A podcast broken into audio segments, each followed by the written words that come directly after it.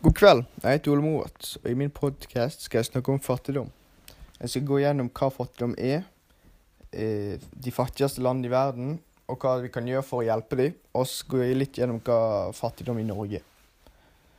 Og for å begynne, så vi alle er på riktig side, så begynner vi med fattigdom i, eh, generelt, og hva det er.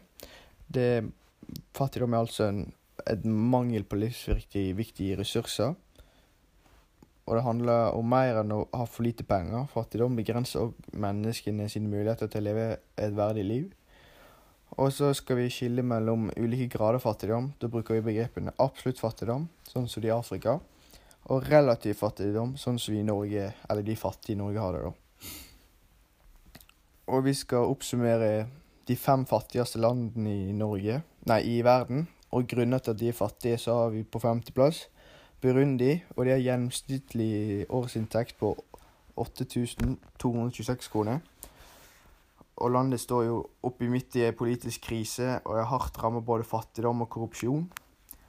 Og så det, du vil se gjennom dine oppsummeringer, er at mange av eh, landene er fattige pga. korrupsjon i regjeringa osv. På fjerdeplass har vi Malawi.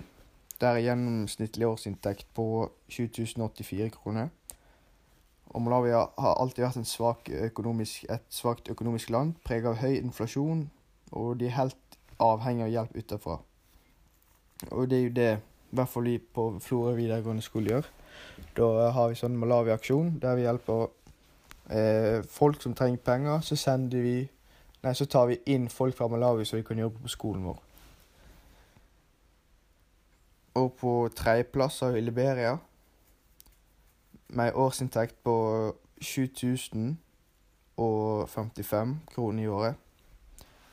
Og landet er fortsatt preget av den 20 år lange borgerkrigen, som tok livet av over 200 000 mennesker. Og de sliter med både fattigdom og som sagt korrupsjon av regjeringa. På andreplass har vi den demografiske repub republikken Kongo med en gjennomsnittlig årsinntekt på 6513 og de langvarige og dypgripende konflikter som hindrer politisk og økonomisk utvikling. Og på førsteplass har vi Den sentralafrikanske republikken med gjennomsnittlig årsinntekt på 5527 kroner. Og som verdens fattigste land er det òg det minst utvikla landet. Og det er en lang historie med korrupsjon av regjering, svak, som sagt svake regjeringer, fattigdom og masse vold. Og for å hjelpe disse landene som Liberia og Malawi, så finnes det for f.eks. en organisasjon som heter Project Abroad, der de har behov for frivillige som ønsker å jobbe med sosialt arbeid med barn, ungdom eller voksne. Også på barn- og ungdomsprosjektene kan du bidra til med praktisk hjelp, til masse læring og leik. Du hjelper dem med lekser, og så aktiviserer du barna. Og det hjelper jo, du jobber både med mennesker med fysiske eller psykiske funksjonshemmelser.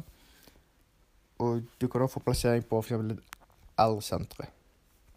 Og deres formler er å sørge for eh, bærekraftig utdanning, omsorg og beskyttelse for vanskeligstilte barn og sårbare grupper, slik at de kan få ha mulighet til å forbedre sine fysiske, og sosiale og følelsesmessige utvikling. Det kan være tøft arbeid selvfølgelig å jobbe med disse menneskene, så derfor, derfor denne organisasjonen er veldig flinke på å forberede deg på hva du har i vente, og passe på at du har det behagelig da du holder på med disse planene de har. da. Og progresjonen på prosjektet kartlegges eh, kontinuerlig, slik at metoden og mål kan justeres eh, ut fra hvordan situasjonen forandrer seg. Og de garanterer deg at i hvert fall arbeidet ditt er sikkert og du får effekt av det fra dette prosjektet. Over til fattigdom i Norge. Da noe som kan sjokkerte meg, i hvert fall er at antall barn som lever i fattigdom i Norge, øker hvert år. Og dette er til tross for at vi om, igjen, om og om igjen blir kåret til det beste landet å bo i. Og hvordan skal vi tillate oss at barn kommer sultne på skolen? Altså, hvordan kan vi tillate at familier ikke vet hvordan de skal betale husleie denne måneden. Da det liksom skal være det fantastiske landet. Og så har jeg gjort litt research, og ifølge Statistisk sentralbyrå mangler 13 minst én materiell gode, og hele, hele 19 bor i et husholdning som de ikke har mulighet til å dekke og uforutsette utgifter. Og vi lever i et samfunn der det er sosial trygghet anses som latskap og utnyttelse av norske stønader, der fattigdom er knyttet til innvandringspolitikk og mennesker i nød i utlandet. Og fattigdom i Norge er på mange måter skjult. Det blir på en måte skjult bak en fasade, utbredt på sosiale medier. Og det er ikke ofte vi ser den klassevenninna som har med seg eh, sammenkrølla matpapir på skolen, eller nabogutten som aldri reiser på en ferie. Og dette er det vi kaller relativ fattigdom. At det er ikke alle som har råd til ferie, og noen kommer mer eller mindre sultne på skolen. Uansett om de har spist frokost. Og ifølge statistikk eh, Statisk sentralbyrå bor drøye 100 000 norske barn i, familier under grensen for lav inntekt. Og dette går jo utover tryggheten deres, den sosiale utviklinga og sjøltilliten.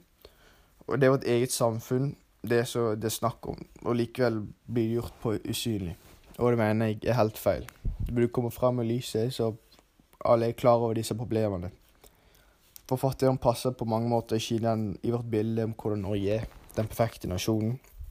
Men heldigvis har vi f.eks. velferdsstater, eller vår, vår velferdsstat hjelper litt. Men det er fortsatt veldig masse mer vi kan gjøre hvis vi får fram eh, fattigdom i Norge, og ikke gjør det usynlig.